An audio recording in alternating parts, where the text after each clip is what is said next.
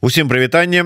З вами Зміцер лукашукі мы працягваем наши эфиры са студыі еврорады як звычайна абмярковаем падзеі у Беларусі і за яе межамі. Ну што ж нарэшце ізноўку з намі на сувязі наш палітычны аглядальнік аналітык гісторык Александр Фрыдман. Добрый день спадар Александр добрый день спадар Дмитрий вітаю спадар Александр давайте нягледзячы на тое что мы тут з вами ўжо так накидалі тэмаў якія можна абмеркаваць але пачнем сённяшняй актуальнай надзённай а дакладней про нараду по обнаўленню канцэпцыі нацыянальнай бяспекі і военной дактрыны я тут не паспеў паглядзець наколькі там що ж таки шмат не шмат інфармацыі цікавая яна ці небу быў тут на эфирах заняты у вас можа атрымалася ёсць что цікавае что вы з гэтай нагоды могли б пракаментаваць Ну, пакуль тое что тое что я бачу гэта былі досыць агульныя выказванні. Ну калі ўзяты лукашенко ён там просто у якасці уводзіна зачытваў тэксту там асабліва нічога такого цікаўнага цікавага змястоўнага не было.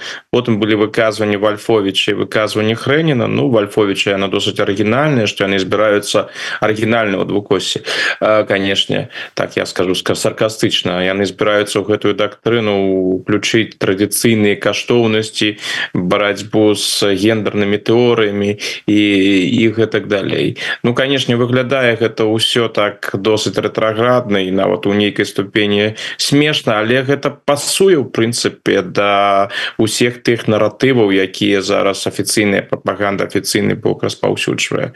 Что тычыцца заявы хрэніна Ну яна таксама была агульная мы не змагаемся з народамі у нас там няма праціўнікаў. Ну вядомы ж наратыў там ёсць до добрые літоўцы добрыя латышы добрыя украінцы добрыя палякі але ёсць там дрэнныя урады ва ўсіх ва ўсіх гэтых краінах нават вельмі дрэнныя Ну что адзінае что хрэнен там пазначыў что мне падаецца ў пэўнай ступені цікава что яны там вобраз праціўніка зробяць у гэтай дактрыне канкрэтнай Ну хутчэй за ўсё там будзе просто написано что гэта краіны краіны нато ці блок нато. І фактычна гэта яны пераймаюць гэты расійскі погляд на тое что нато з'яўляецца галоўным галоўным ворагам. Ну напэўна нічога нового ў гэтым няма ну просто будзе вось на паперы фармалізацыі Ну і цікавы канешне момант будзе. Ну там таксама зразумела что там у выніку то будзе з ядерной зброі то бок что канешне мы там ужываць нічога не збіраемся.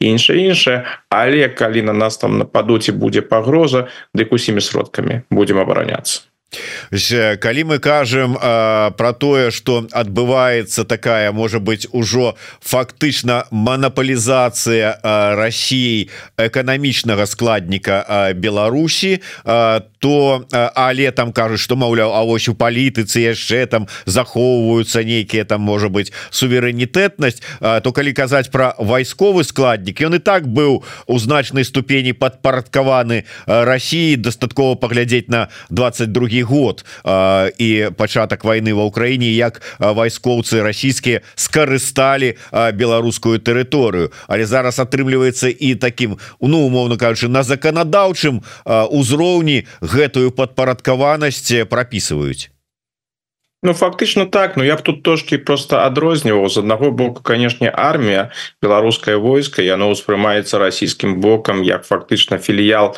расійскай арміі. Ну і дадатковыя як бы там ты тое чым калі што можна ў пэўнай ступені ўзмацніць расійскую армію. Менавіта так яны разглядаюць у асноўным тыя ж стандарты по якім працуе беларускае войска тое ўзбраенне якое яно выкарыстоўвае. Там же вельмі моцныя расійскія расійскія ўплывы. Калі мы паглядзім на военное кіраўніцтва ты да сённяшняго дня хапае у беларускай арміі афіцераў з расійскім бэкграундам якія праводзілі праходзілі яшчэ яшчэ былі ў савецкім войску войску і у культурным ідэалагічным сэнсе арыентуюцца на расійскую федэрацыю Вось гэта з аднаго бока. Что тычыцца вось напрыклад міліцыі Ну я думаю міліцыя там унутраныя войскі там расійскія ўплывы як мне падаецца Ну не, не такие ўжо і моцныя тут хутчэй за ўсё асабістае падпарадкаванне лукашенко. І я не думаю па шчырасці что расійскі бок это так асабліва цікавіць А вось что тычыцца КДБ і усяго іншага то выглядае прынамсі так по той інфармацыі якая друкуецца по выказванням які ідуць тут то там уплывы расійскія таксама вельмі моцныя напэўна беларускі КДБ у яго сённяшнім стане з'яўляецца нечым таким расійскі нечым таким беларускім філіялам расійскага ФСБ альбо знаходзіцца на шляху до того каб ужо канчаткова стаць гэтым філіялам дарэчы вось такая вельмі актуальная апошнія некалькі дзён тэма для Беларусі. Яе закінуў більд які апублікаваў магчымы сцэнар падзеяў бліжэйшых месяцаў. Ну вот і гэты сцэнар разглядаецца бундесферам. Паводле гэтага сцэнару у снежні 24 -го году варта чакаць эскалацыі ў калінінградскай вобласці у раёне сувалкаўскага калідора. Ну а что такое сувалкаўскі калідор? Гэта пры прынцыпе ну шлях Ну як лічаць некаторыя наўпроставы кароткі шлях з Беларусі ў гэтую калінінградскую вобласць. Ну і маўляў что пасля вот як гэтая эскалацыя там калінінградскай вобласці адбудзецца то як у Росіі да межаў с расійскай Росіі і краін Балты будуць сцягнутыя вайскоўцы таксама і ў Беларусь прыедуць будуць прывезеныя расійскія войскі і войскі беларускія будуць уцягнуты у канфлікт на тэрыторыі краін балты і Польшчы Ну с аднаго боку можна было подумать что ну чарговая канспірологія Ну ці просто вайскоўцы гуляюць у свае генштабаўскія вось гэтыя гульні проигрываючы на вайсковых мапах магчымыя сцэнары Ну на ўсялякі выпадак. Але калі глядзець на сённяшнія гэтыя змены ў беларускім канцэпцыі дактрыне то ці не падрыхтоўка гэта сапраўды до да такого вось сцэнара а уже уже вось з гэтага беларуска-расійскага боку? Ну давайте я напэўна пачну э, про тэму біль что ввогуле азначае гэтыя публікацыі ці можна ёй давяраць. Ну конечно більд гэта вядома гэта жоўтае выданне. Але ізноў жа калі гаворка ідзе пра жоўтую бульварную прэсу і пра яе якасць і пра яе інфармаванасць то трэба адрозніваць напрыклад прэсу Великабрытаніі дзе з даверам ну за з даверам і з э, інфармацыі якую яны друкуюць дае ўвогуле трэба ставіцца вельмі вельмі асцярожна. Біль канешне там і фейкі розная і недакладнасці гэта ўсё у більдзе з'яўляецца за гэта слушна більд насамрэч крытыкую крытыкуюць але адначасова трэба прызнаць что гэта вельмі ўплывовае выданне напэўна найбольш уплывовае выданне ў нямецкамоўных краінах і у федэратыўнай Рэспублікі Геррманіі гэта першае. І гэтае выданне як якое мае вельмі добрыя крыніцы вельмі добрыя крыніцы як у розных ведомствах Германії так і за межамі краіны і асабліва ў кантэксце войны ва ўкраіне більд шмат разоў выкарыстоўваўся альбо атрымоўваў інфармацыю якую трэба было данесці да вялікай аўдыторыі. Гэта былі і інфармацыя про расійскі напад на тэрыторыю супраць Украіны ад розных спецслужбаў. Гэта былі інфармацыі інфармацыя пра ацэнкі стратаў з розных бакоў з расійскага боку і з украінскага так что гэта не тое ж той выпадак калі можна сказаць Ну гэта жоўтая прэса Ну что тут сур'ёзна гэта нельга ўспрымаць не гэта трэба ўспрымаць сур'ёзна тому что тое что такі документ сапраўды таемны документ сапраўды існуе гэта пацверджана гэта пацверджана нато гэта пацверджана бундесферам іншае пытанне что гэта за документ? У нато сцвярджаюць Ну что гэта магчымы сцэнар вучы вывучэнняў якія могуць адбыцца. У нямецкай прэсе і розныя аналітыкі якія выказваюць на гэты конт яны больш так сур'ёзна гэта ўспрымаюць. Вось нават былі публікацыі і я схільны ім давяраць гэтым а, гэтым ацэнкам што гаворка ідзе пра найгоршы сцэна развіцця падзеяў з які можа які быў выпрацаваны у бундесферы у міністэрстве обороны Германії і вось гэта не конечно не факт что гэта найгоршы сцэнар ён адбудзецца. Але вось сыходзіць з таго что нават і такое можа быть патрэбна. Вось яны гэты сцэнар вы выпрацавалі. Сыходзяць яны з таго і это вельмі непрыемны сцэнар. І для Беларусі і для Украіны конечно перш за ўсё. Бо паводле гэтага сцэнара будзе наступныя месяцы пачнецца у расійскі наступ і гэта расійскі наступ можа быть паспяховы ён можа скончыцца военной паразай Украіны як яна будзе выглядаць Ну про гэта там больш падрабязнай інфармацыі няма. Але наступны крок як вы заўважылі что Россия в Украіне зразумела не спыніцца і працягне сваю дзейнасць. Ужо у дачыненні да краінаў НАТО. Менавіта да ў дачыненні да краінаў балты і да чыненні да Польши А гэта ўсё суседзі суседзі Беларусі. Дарэчы Беларусь успрымаецца у гэтай паперы бундесфераўскай Ну як аб'ект у руках Москвы что там нейкага лукашэнкі як сумастойнага гульца альбо беларускай арміі там просто няма. Там дакладна ідзе разлік. Вось Россия будзе рабіць тое і тое і яны сыходзяць з таго что беларускі бок будзе парткавацца калі будзе вырашана напрыклад там не ведаю атакаваць гібридным чынам напрыклад а можа і не гібридным Польшу альбо літву альбо Латвію з вялікай верагоднасцю гэта ўсё будзе адбывацца з тэрыторыі Беларусі і тое что тут лукашенко можа сказаць не я супраць гэтага не павінна і гэтага не павінна адбывацца Ну такі сцэнар увогуле не прадугледжаны прадугледжана у гэтым выпадку что будуць сцягнуты сапраўды войскі на тэрыторыю Беларусій А ўжо дзеянні якія будуць весціся і на тэрыторыі краінаў балты і на тэрыторыі Польшчы яны могуць нават быць с удзелам э, беларускіх войскаў. І калі мы паглядзім зараз сапраўды вось на рыторыку дзяржаўных э, кіраўніцтва сённяшняга кіраўніцтва Беларусі что яны кажуць і что яны робяць як ідзе мілітарызацыя грамадства дзе гэтая тэма войны безумоўна по прысутнічае ў дыскурсе актыўна прысутнічае. Ну дык у таких умовах можна сапраўды уявіць что да нечага такога расійскі а разам з імі беларускі бок модзе можа рыхтавацца Дарэчы у мяне адразу такая думка ўзнікла. Ну добра 22 год калі з тэрыторыі Беларусі пайшлі расійскія войскі паляцелі расійскія ракеты по ўкраіне тады ніхто да гэтага не быў гатовы. Тады і цяпер по сённяшні дзень Украіна прытрымліваецца стратэгіі такой что нам не трэба другі фронт і адказваць мы не будем але нават цяпер уже стаўленне змянілася і калі раней Ой не не не не не не мы нічога тут не заўважаем мы разумеем что вы там нічога это самое там лукашенко не могли зрабіць а супраць Пуціна і яго намераў зараз рыторыка іншая то толькі паспрабуйте але у сітуацыі калі ізноўку паўторыцца нават без удзелу беларускага войска але з тэрыторыі Беларусі пойдзе напад на краіны балты будзе там прорубацца сувалкаўскі коридор ці напад на Украіну.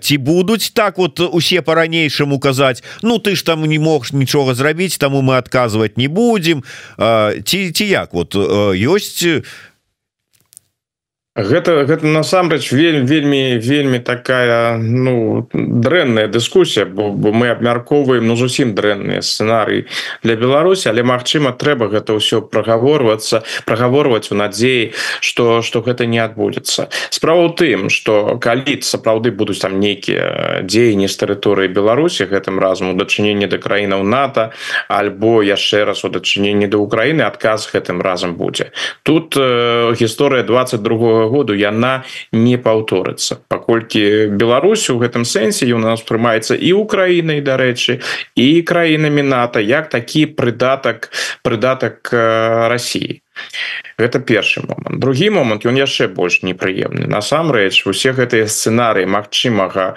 магчымага магчымай войны паміж НАТО і Росіі якія зараз распаўсюджаны яны усе ідуць у такім накірунку что абодва бакі і Росія і НАТО калі пачнецца гэтая вайна сапраўды ўсё ж таки будуць спрабаваць да апошняй мяжы не дайсці. Я маю на увазе выкарыстанне выкарыстанне ядзернай зброі. У гэтым сэнсе Беларусь можа быць ну сапраўды нейкай такой э, разменнай монеты калі как калі жадаеце як это можа выглядаць калі напрыклад з тэрыторыі Беларусі альбо нават не з тэрыторыі Беларусі будзе нешта ў дачыненні да краіны НАТО то краіны НАТО у сваю чаргу могуць адказаць нейкім ударам по тэрыторыі Беларусі у тым сэнсе так гэта саюзнік Росіі ўсё але гэта ўсё ж таки не тэрыторыя Росіі гэта яшчэ гэта ўжо вельмі вялікая ступеня эскалацыі але яшчэ не галоўнае гэта не удар скажем так удар по нейкаму беларускаму гораду гэта не яшчэ не удар там не ведаю по смоленску альбо по бранску. Нягледзячы на ўсё тое чтобы там расійскі бок не казаў что яны успрымаюць тэрыторыю Беларусі як сваю тэрыторыю. Гэта як мне падаецца ўсё ж таки ўсё ж таки рыторыка. Да чаго мы прыходзім? Восьось у такой сітуацыі як яна зараз ёсць у той сітуацыі у якой апынулася Беларусь верагоднасць потрапіць у яшчэ больш дрэннае становішча чым зараз яна насамрэч прысутнічае і яна на жаль досыць вялікая А як жа тады э, будуць успрымацца ці як як будуць гучаць аргументы э, А нас жа за што э, Ну і увогуле там э, думка беларуская. Ну мы разумеем что как бы там вот расіяне там напалі э, з тэрыторыі Беларусі Ну мы ж тут не прычым э, і у нас жа ж вот войны няма дзякуючы лукашэнку. Гэта будзе по-ранейшаму спрацоўваць ці як Я думаю что при эскалацыі гэта спрацоўваць спрацоўваць не будзе насамрэч что что цікава нават тыя сацыялагічныя пытанні якія ёсць напрыклад таго ж чэтым хаоса яны ж показваюць что так беларусы вельмі задаволены люди якія жывуць у Беларусі конечно маю на увазе яны задаволены відавочна вы задоволен і гэта нормально Ну як можа быть інакш любы чалавек звязаны з Беларусю задаволены тым что на тэрыторыі Беларусі не ідуць баявыя дзеянні что там не адбывае адбываецца что там не адбываецца война. Але нават гэтыя пытанні показваюць что гэта не асобам не асабліва не ўплывае на рэйтынг на рэйтынг лукашэнкі то бок люди кажуць ну добра что у нас так ёсць але гэта асабліва ўсё ж таки не звязваюць з лукашэнкам і з яго палітыкай і з тым что ён праводзіць. Конечно афіцыйная пропаганда яна гэтый наратывы прасоўвае. І напэўна сярод лукашэнкаўскай аўдыторыі мае адпаведны адметны поспех. Але ізноў жа гэта абмежаваны поспех Ну затое тады могуць змогуць усе гэтыя прапагандысты лукашэнкаўскія якія зараз крычаць про тое як яны там варшаву за тры дні а можа за паўтары Ну бо там дядя Вова за плечыма там нібыта стаіць с іскандерамі сфармаваць свой прапагандон батальон на чале с азаронкам Ну і кінуцца ў бой ўсё ж таки спраўдзіць нарэшце свае свае мары. Ну я до того что прапаганда ці здолее ўсё ж таки ізноўку давесці беларускаму грамадству что вот гэта не мы такія дрэнныя гэта вот яны так это яны фашисты просто калі калі мы яшчэ раз калі звярнуцца до прапаганды чым яна напрыклад прынцыпова адрозніваецца ад э, прапаганды савецкай. Савецкая прапаганда накіраваная супраць захада яна прасоўвала асабліва на захадзе але таксама і у савецкім саюзе. Але вельмі так асцярожна гэты наратыў про тое что можа адбыцца вось такая вайна і что там э, гарады ператварацца у попел асабліва напрыклад савецкім прапагандыстам спадабаўся вось такі сцэнарый там не ведаю знішчыць кёльнскі сабор альбо скінуць атомную бомбу на кёльн вось яны вось яны не пісалі адкрыта что вось мы гэта зробім не конечно яны так не рабілі яны пісалі что вось калі будзе ядерная война нешта такое жахлівае можа можа можа адбыцца. Але вось да адкрытых пагрозаў что мы вось там дойдзем там не ведаю да да Мадрыда альбо заваюем Парыж. Іншыя яны гэта не рабілі бо яны разумелі Ну гэта безглуздзіцца і гэта ну ўжо прынцыпова супярэчыць гэтым міралюбівым так званым міралюбівым наратывам Савецкага Саюзу. Это быў савецкі выпадак. Крывадушная прапаганда але ўсё ж таки з межамі пэўнымі что мы маем сёння з аднаго боку там выходзіць умоўна кажучы не ведаю хренен альбо вальфович і кажа мы мирные люди мы не збіраемся ні на кого ні на кого нападать мы будем толькі сябе абараняць і іншае іншае что атрымліваецца там праз гадзіну праз нейку і там что напэўна будзе яшчэ і сёння і заўтра яны без гэтага не могуць. Пачынаюцца там у беларускіх эфирах разважанні про тое что яны там будуць там знішчаць вільню будуць знішчаць варшаву і іншую іншую іншую то бок гэтая пропаганда Ну она вось гэты контекст ён абсолютно шизофренічны з аднаго боку ніхто не збірает сваяваць з другого боку ідуць там разважанні про то як будзе будзе знішчацца будзе знішчацца варшава. При гэтым что важно подкрэсліць гэты дыскурс про то кто каго як будзе знішчаць гэта выключна беларуска-расійскі дыскурс вы не знойдзеце ніводнага сур'ёзнага аўтара на захадзе у заходніх краінах які разважае про то як будзе знішчацца Москва что там будзе якая якая зброя там ядерная неядерная будзе выкарыстоўвацца для знішчэння Москвы няма фантазій наконт того каб я не ведаю знішчыць які-небудзь беларускі город просто просто не гэтага на захадзе фактычна няма. А у беларускай дзяржаўнай прапагандзе і у расійскай ну э, там дрэнны прапагандыст які не паспрабаваў сябе на гэтай галіне Да не паразважаў про ядерный попел. Але глядите я вось гляжу что у інтерв'ю Таймс прэм'ер Эстоніі Кая Калас папярэджвае что Путін можа напасці на краіны Балты праз тры гады с такими ж прыблізна выказваннями выступали і іншыя палітыкі высокага рангу Фінляндыі Польши іншых краінаў ну найбо бліжэйшай вось гэтай так бы мовіць дугі да Беларусі і России вы казалі про тое что ось гэты сцэнар апублікаваны билд які разглядаецца бундесферам дзе кажуць про магчымы пачатак войны такой вот России і нато нато с удзелом беларускіх войскаў ужо 25 годзе. Тут 25 але гэта найгоршы сцэнар. Усе астатнія кажуць про срок 3-5 гадоў але ўсе кажуць про войну то есть у на захадзе ўжо ну как бы прыйшлі да высновы что гэтай войны не пазбегнуць не нет а такой ступені не тут тут гаворка ідзе про тое что война магчымая вось праз гэты перыяд. Что засталося зусім няшмат часу. Розныя эксперты хтосьці кажа два гады хтосьці кажа три гады хтосьці кажа сапраўды гэты коридор 35 гадоў. Яны кажуць что вось застаўся гэты час каб зрабіць адпаведная узмацніцца і каб от паведным чынам адказаць Росіі каб Росіі зразумелі что гэтую войну пачынаць пачынаць не варта. Тут же вось яшчэ які момант важный калі мы мы сябе гэтую войну уяўляем мы часцей за ўсё Ну сёння у нас такі эфир атрымліваецца военны пра жахлівыя рэчы Ну якая рэчаіснасць ракая рэчаіснасць э, той абмяркоўваем. Калі гэтую войну уяўляюць сябе так звычайна ўсё хутка скончваецца ядерной войной их эта война разглядаецца як ядерная война.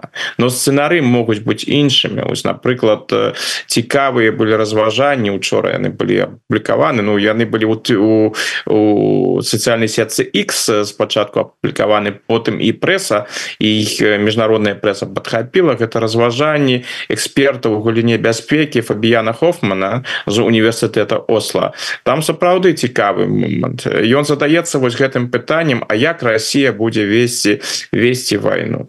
І зыходзячы з украінскага вопыту ну конечно па-першае не а ніякіх прэвентыўных удараў по расійскай тэрыторыі ніхто не плануе гэтага не будзе. Гэта выключна расійскія фантазіі. Усе заходнія планы і была і беларускія дзяржаўныя фантазіі. Усе заходнія планы якія абмяркоўваюцца яны сыходзяць з таго что напад будзе з боку Росіі і НАТО мусіць адказваць у гэтым выпадку. Дык вось Хофман якраз разважае як можа гэта выглядаць. І вось ён бярэ за аснову украінскі вопыт і кажа что будуць удары по інфраструктуры. Хутчэй за ўсё яны паспрабуюць зрабіць моцны удар по інфраструктуры заходніх краінаў. Ну добра что будзе наступным удар будзе таким моцным что ён павінен будзе псіхалагічна паралізаваць заходняе грамадство бо тут трэба сказаць заходняе грамадства і трэба сказать гэта адкрыта заходняе грамадства не готовые до войны і не готовыя да стратаў і не готовы яе яе весці гэта не гэта ніякага параўнання з Украіны і ніякага параўнання сённяшняй Росіі дзе там велізарныя страты у расійскім войску і тым не менш абстаноўка досыць спакойная і людзі по-ранейшаму большасці сваёй гэтую путинскую злачынную войну падтрымліваюць то бок гэтая война яна стане гэты удар расійскі удар по інфраструктуры про грамадзянской інфраструктуры і он стане шокам для еўрапейскага грамадства і для еўрапейскіх палітыкаў. І ў гэты момант расійскі бок яшчэ раз можа подвесить градус і сказать Ну вось глядзіце вы нас прымусілі вось гэта зрабіць. Ці мы отказалі мы мы ж не пачынаем войны мы только отказываем это ж вядомая расійская рыторыка А цяпер калі вы откажете ну нам нічога не застаецца перафразируючы спадарню симонян э, мы-то урай калі калі калі будуць применена ядерная зброя А вы жадаете вы готовыя до ядерного удара. І разлік паводле хофмана на тое і гэта адпавядае як мне падаецца таму як мысліць і разглядае і глядзіць на свет Путін что ў гэты момант захад скажа ну добра на гэты апошні крок мы не пойдзем давайте знойдзем нейкі кампраміс і ў гэты момант Путіну Пуціна можа атрымацца навязаць захаду там свае умовы адыход НАТО да межаў напрыклад я не ведаю 91 -го года іншае іншае аддаць яму Украіну і, і гэтак далей. Там можна можна там і далей рознымі фантазіямі фантазіямі займацца. Калі я разважаю сам аналізую вось гэты сцэнарый я мушу сказаць что ўжо так яго выключыць і сказать ну не можа гэтага быць. Захад готовы пайсці да апошняга і абараняць кожны міліметр сваёй тэрыторыі і ніколі не здрадзіць сваім прынцыпам ну гэта хацелось бы верыць просто рэчаіснасць такая что асабліва ў гэта не верыцца мы здаецца з вами неяк разважалі на гэтую тэму ось чаму у Росіі так падтрымліваюць вайну палітыку Пуціна і ўвогуле как бы так ставятся да войны Ну как бы так абыякова А можа быть нават 10 сейфарый Гэта таму что нават падчас другой сусветнай войны Ну фактычна пераважная большасць тэрыторыі России не познала что такое война? Да да их прыходзілі похоронки. Да у іх былі эканамічныя там цяжкасці і цяжкасці выжывання але у іх не было разбомбленых гарадоў у них не было солдат чужой арміі на вуліцах у іх не было нічога того про что прайшлі гарады і вёскі і Беларусі і Украіны і Еўропы у пераважнай большасці сваёй да Берліна калі браць як мінімум дакладна а то і, і іншае і тут как бы узнікае пытанне что вот вы кажаце гэта будзе жах і шок для заходняга грамадства калі туды на іх гарады упадуць бомбы А можа гэта нейкім шохам шокам ад і ацвярозіць гэтыя з розумы калі нейкія ракеты упадуць і на сібірскія гарады Росіі А можа для гэтага трэба даць нармальную зброю Украіне каб яны здолелі нормально даць адказ адэкватны каб і расійскія гарады адчулі на сабе тое что адчуваюць украінскія гарады? Можа нешта тады стане на сваё месца ў галаве Ну калі гаворка ідзе пра пра заходнюю зброю пра сучасную заходнюю зброю там ты ж нямецка-шведскія ракеты таурус вялікай адлегласці. Так э, я думаю что тыя публікацыі якія зараз у прэсе ідуць разважанні про тое что вось калі яны справяцца з Украінай мы наступныя яны якраз такі ідуць у гэтым накірунку каб патлумачыць патлумачыць э, чытачам, тое что ім ну, шмат кому не зразумела что Россия не збіраецца спыніцца. Просто мы ж разважаем про такія жахлівыя рэчы.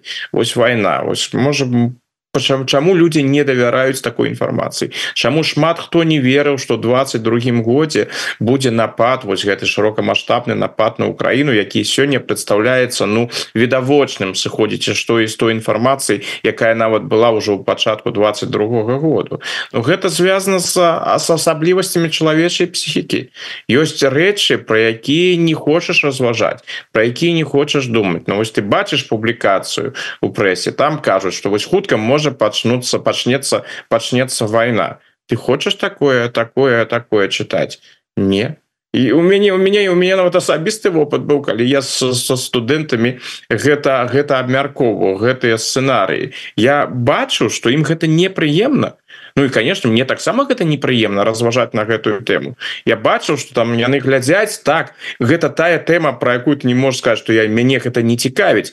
Ну калі ёсць рызыка войны у тваёй краіне конечно гэта цябе цікавіць калі ты псіхічна на нармальный нормальный чалавек. Вось но гэта непрыемны і разважаць на гэтую тэму не жадаюць. То бок зараз ты прэса і улады у той же у той же Геррманії яны імкнуцца насельніцтву патлумачыць. Вось вось глядзіце ўсё вельмі сур'ёзна. Гэта зусім не жарты. Калі прайграе Украіна дастанецца ўсім. Таму і гаворка ідзе і пра зброю яна яна будзе ўздымацца і будзе вымушаны той же захад Ну прынамсі еўрапейскія краіны. Са злучанымі штатамі паглядзім там своеасаблівая сітуацыя але еўрапейскія краіны мусяць гэта рабіць. Ну а што тычыцца часу чаму яны гэта не робяць тая ж тая ж Германія? Гэта пытанне ўздымаецца. Ну як можа так быть что шольц скажа мы павінны зрабіць усё для Украіны і мы зробім і хай Путін зразумее что мы як падтрымлівалі так і будемм падтрымліваць. Ты кажаш вось гэта. З аднаго боку а з другога боку менавіта паводле публікацыю прэсы гэта шольц які блакуе пастаўку гэтых ракетаў. Ну я думаю что гэта разлік бо ён сыходзіць з таго что можа быть э, удар прэвентыўны удар з тэрыторыі з тэрыторыі Росіі по той же Германії напэўна ён гэта не выключае что ў гэтым выпадку гэта можа адбыцца. Я думаю что ён памыляецца але ўсё ж таки я рады что я не на яго месцы і не павінен прымаць такія рашэнні якія мусіць прымаць ён.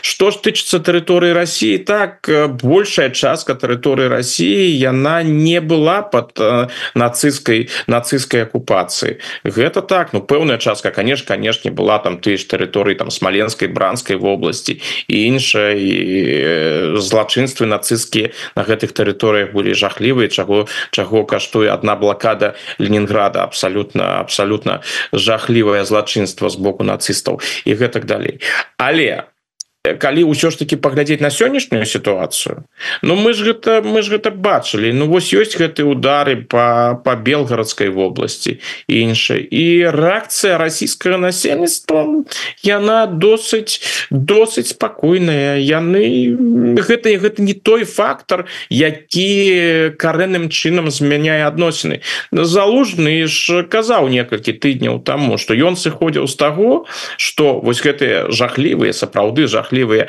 ахвяры з расійскага боку што яны выключаць нейкую яны выклікаюць нейкую рэакцыю з боку з боку расійскага грамадства Ну відавочна што гэта пакуль не тыя ахвяры якія выклікаюць пэўную рэакцыю Ну і увогуле і расійскае грамадства выглядае таким паралізаваным атамізаваным да там по белгароду б'юць Ну гэта дрэнна канешне так не павінна быць узнікае тое пытанне якое вы здавалі А нас за что? А что мы такое такое зрабілі вось гэта такі асаблівы цынізм і прапагандыст прапагандыстаў дарэчы расійскіх прапагандыстаў і беларускіх дзяржаўных прапагандыстаў калі напрыклад там ідуць нейкія удары по харкаву альбо по адэсе альбо по Киеву яны усе ў захапленне за гэтым назіраюць калі там ідуць нейкія удары по белгароду узнікаюць пытанне а белгарад за что А что людзі ў белгарадзе да, такое такое такое зрабілі Вось так что я думаю что нават калі былі больш маштабныя удары удары по расійскай тэрыторыі что дарэчы Украіна і спрабуе зрабіць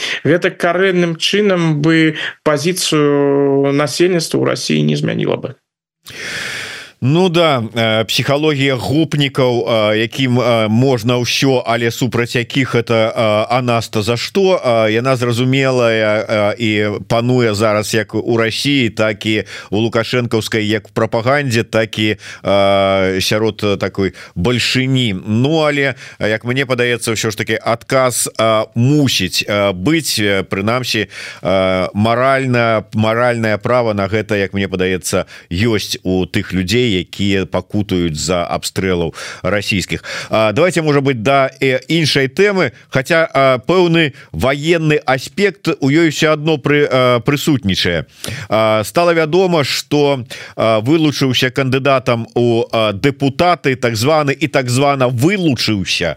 Наколькі там що ж таки жаданне было асабістае невядома мало реально але кіраўнік адміністрацыі лукашэнкаўскай Ігор Сергіенко Я нагадаю что Ігор Сергіенко на гэтую пасаду акурат таки прыйшоў с ВПК с каля вайсковай такой що ж таки сферы дзейнасці. І зараз гэтага чалавека які ну как бы разбирается у дзейнасці ВПК у вайсковай дзейнасці і увогуле у гандлі зброяй прыбіраюць у нейкія там падавальшчыкі паперак.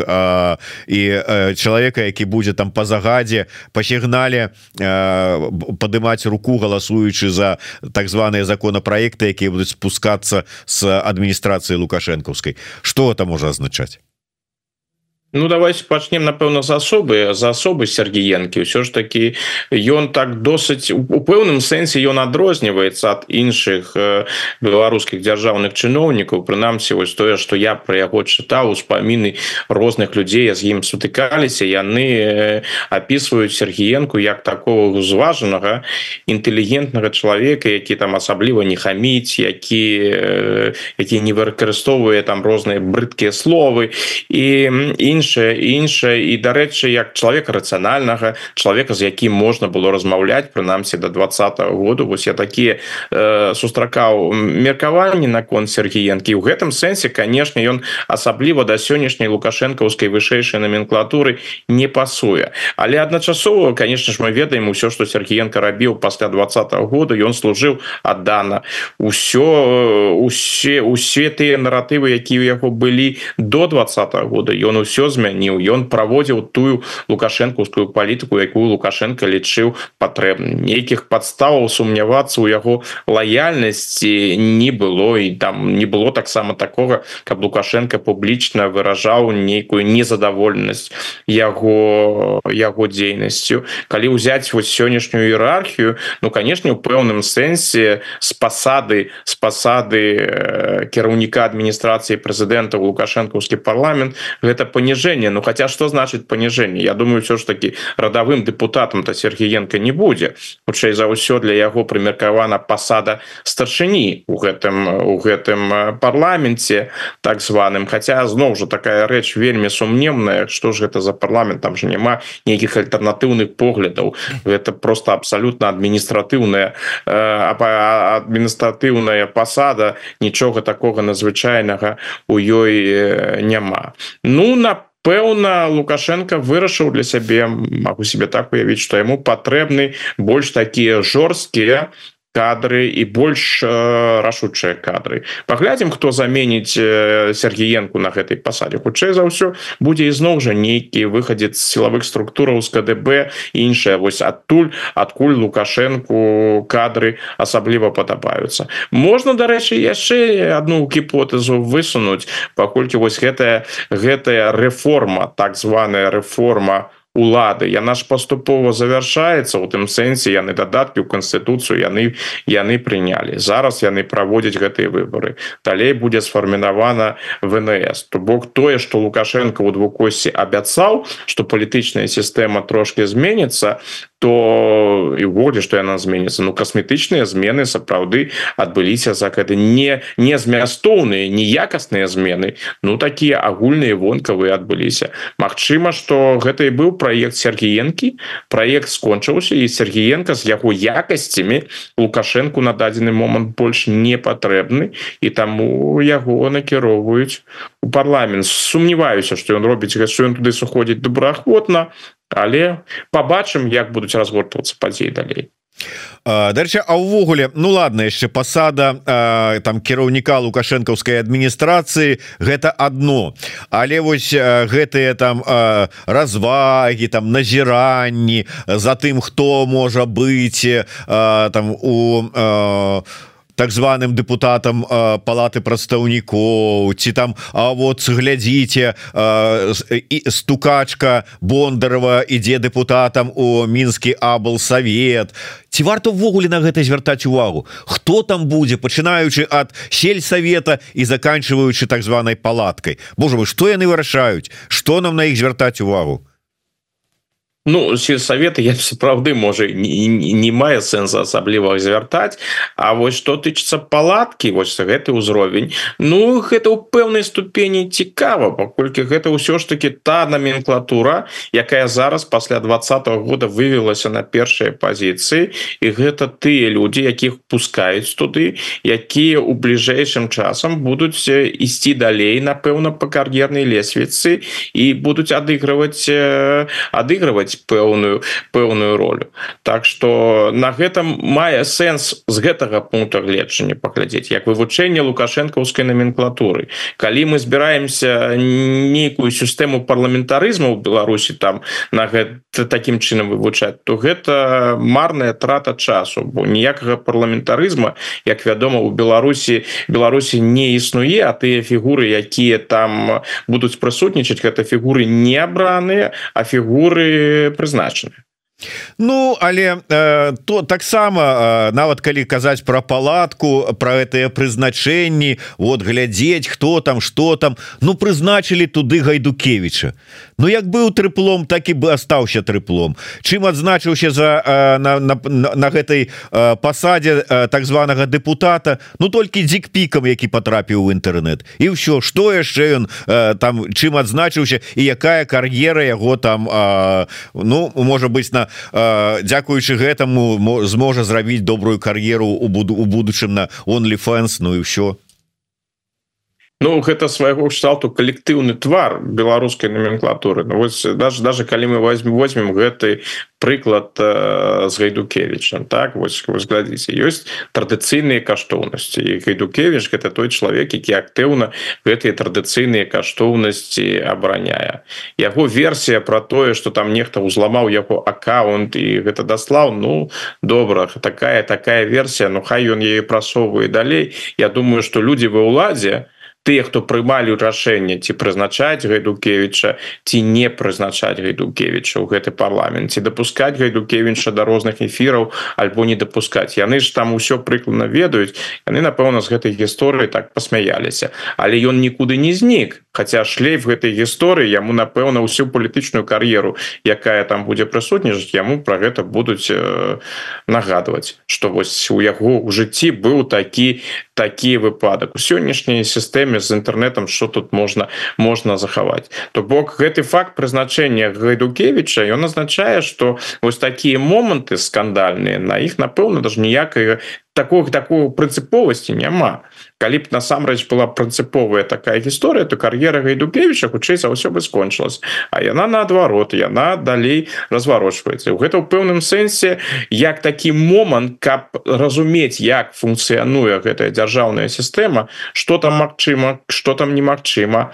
Вось у гэтым сэнсе гэта цікава. Но гэта вельмі такі вузкі прафесійны інтарэс. Я думаю что сапраўды большасці людзей якія якія цікавяцца беларускай палітыкай і на тэрыторыі Беларусі і за межамі Беларусі Ну іх там фактычна не цікавіць. Звычайнага чалавека і не цікавіць хто там у гэтай палацы будзе. Можа можа я думаю что вялікая колькасць людзей якія жывеюць Беларусі яны ўвогуле не ведаюць про тое что гэтыя выборы будуць прызначаны ці што яны будуць што яны адбудуцца на заканчэнне я хотел бы яшчэ одну тэму может быть знешнепалітычную закрануть. Вось два цікавых таких каментары пытання вожык патрыот піша апошнім часам бачна высокая актыўнасць ЗША на бліжнім усходе. Ці не прывядзе гэта до того что украінскі украінскія і беларуская повестка адыдуць на другі план а з іншага боку Макссім піша Іран лупіць по базах ЗША у Іраке.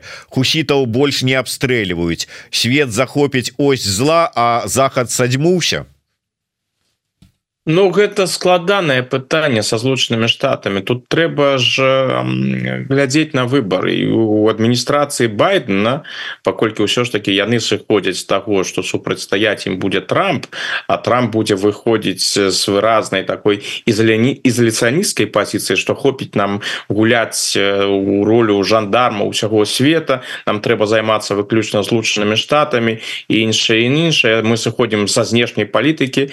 Вось у гэтых умовах байден ну трэба тыя канфлікты якія зараз ёсць яму іх трэба нейкім чынам вырашаць. І тут гэтае пытанне ці гэта дапаможа ці не дапаможа Я думаю что па на гэты конт у амерыканскай адміністрацыі ідуць і дыскусіі. Ну добра конечно у злучаных штатаў ёсць усе магчымасці каб і разобрацца з гусітамі каб хусітамі каб разобрацца з іранам урэшце урэшце рэшт але пытанне яшчэ у тым А ці дапаможа гэтая вайна байдену. І тут відавочна что байден у новой войне нягледзячы на ўсю гэтую прапагандысцкую рыторыку расійскую дарэч китайскую таксама іранскую Ну не зацікаўлены ён у гэтым бо новыя войны яны ў злучаных штатах непапулярныя. Наадварот байден хацеў бы тыя войны якія зараз ідуць як мне падаецца ўсё ж таки скончыць прычым на спрыяльных умовах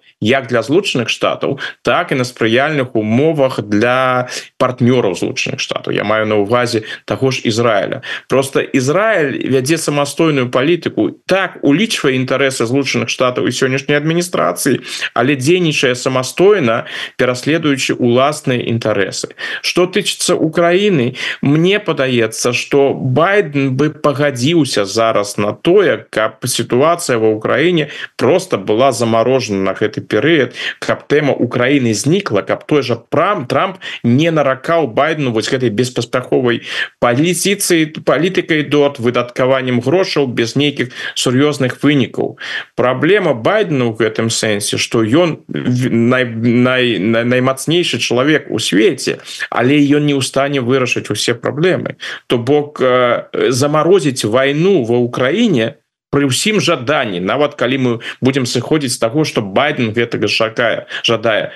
Ну гэта немагчыма бо Россия ў гэтым не зацікаўлена. Яны гэта зараз адчуваюць. Адчуваюць что у іх адчыніліся новыя магчымасці. І ім зусім не патрэбны байден каб ён перабраўся. Таму такі падарунак что вось Россия там на нейкі кампраміс бы пошла заморозила войну Ну гэты падарунак ён ён яго не будзе. І яго не будзе ў розных кропках. Россия зацікаўлена у тым каб война ішла на блізкім усходе крывавая война каб злучаныя штаты былі уцягнуты ў гэтую войну яны зацікаўлены ў тым каб працягвалася война в Украіне бо адна з іх ставак яна звязана якраз такі з тым каб байден не перабраўся каб прыйшоў трамп. І напэўна апошні ў гэтым кантэксце. Нават гэтая публікацыя більд то есть сцэнарий які там пропісваецца калі будзе абвастрэнне? Абвастрэнне будзе ў той момант калі ў злучаных штатах завяршацца выбор выборы то бок Россия паспрабую гэта зрабіць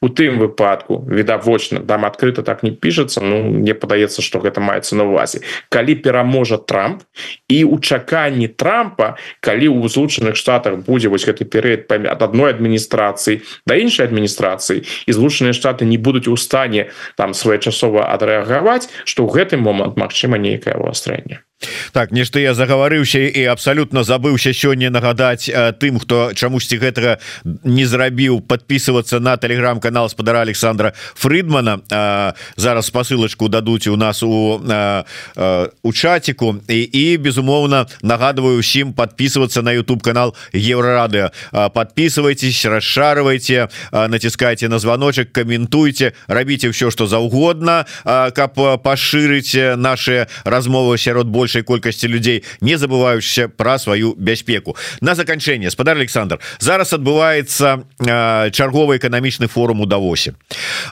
безумоўна было б цікава паслухаць ваши меркаванні чаго чакаць там беларускай супольнасці дэмакратычным сілам ад прысутнасці там тихохановскай і команды іншых там прадстаўнікоў не толькі офіса але кабінета і абы і ўсіх астатніх. Але я можа быть закрану іншае пытанне. Стало вядома что намеснік здаецца міністра замежных справаў Ізраіля далучыўся да перамоваў по сітуацыі ва ўкраіне. Як это там правильно называется гэты фармат? Ну карацей кажучы тое чаго Ізраиль раней пазбягаў зараз ну война відаць можа быть с баевікамі с хамасам паўплывала на змену пазіцыі Ізраиля але чаго чакаць? Вот гэта знак что Ізраиль змяняе сваю пазіцыю сваю стаўленне может быть у дачыненні да войны ва ўкраіне нашага рэгіёна і ўвогуле сваёй знешнепалітычнай дзейнасці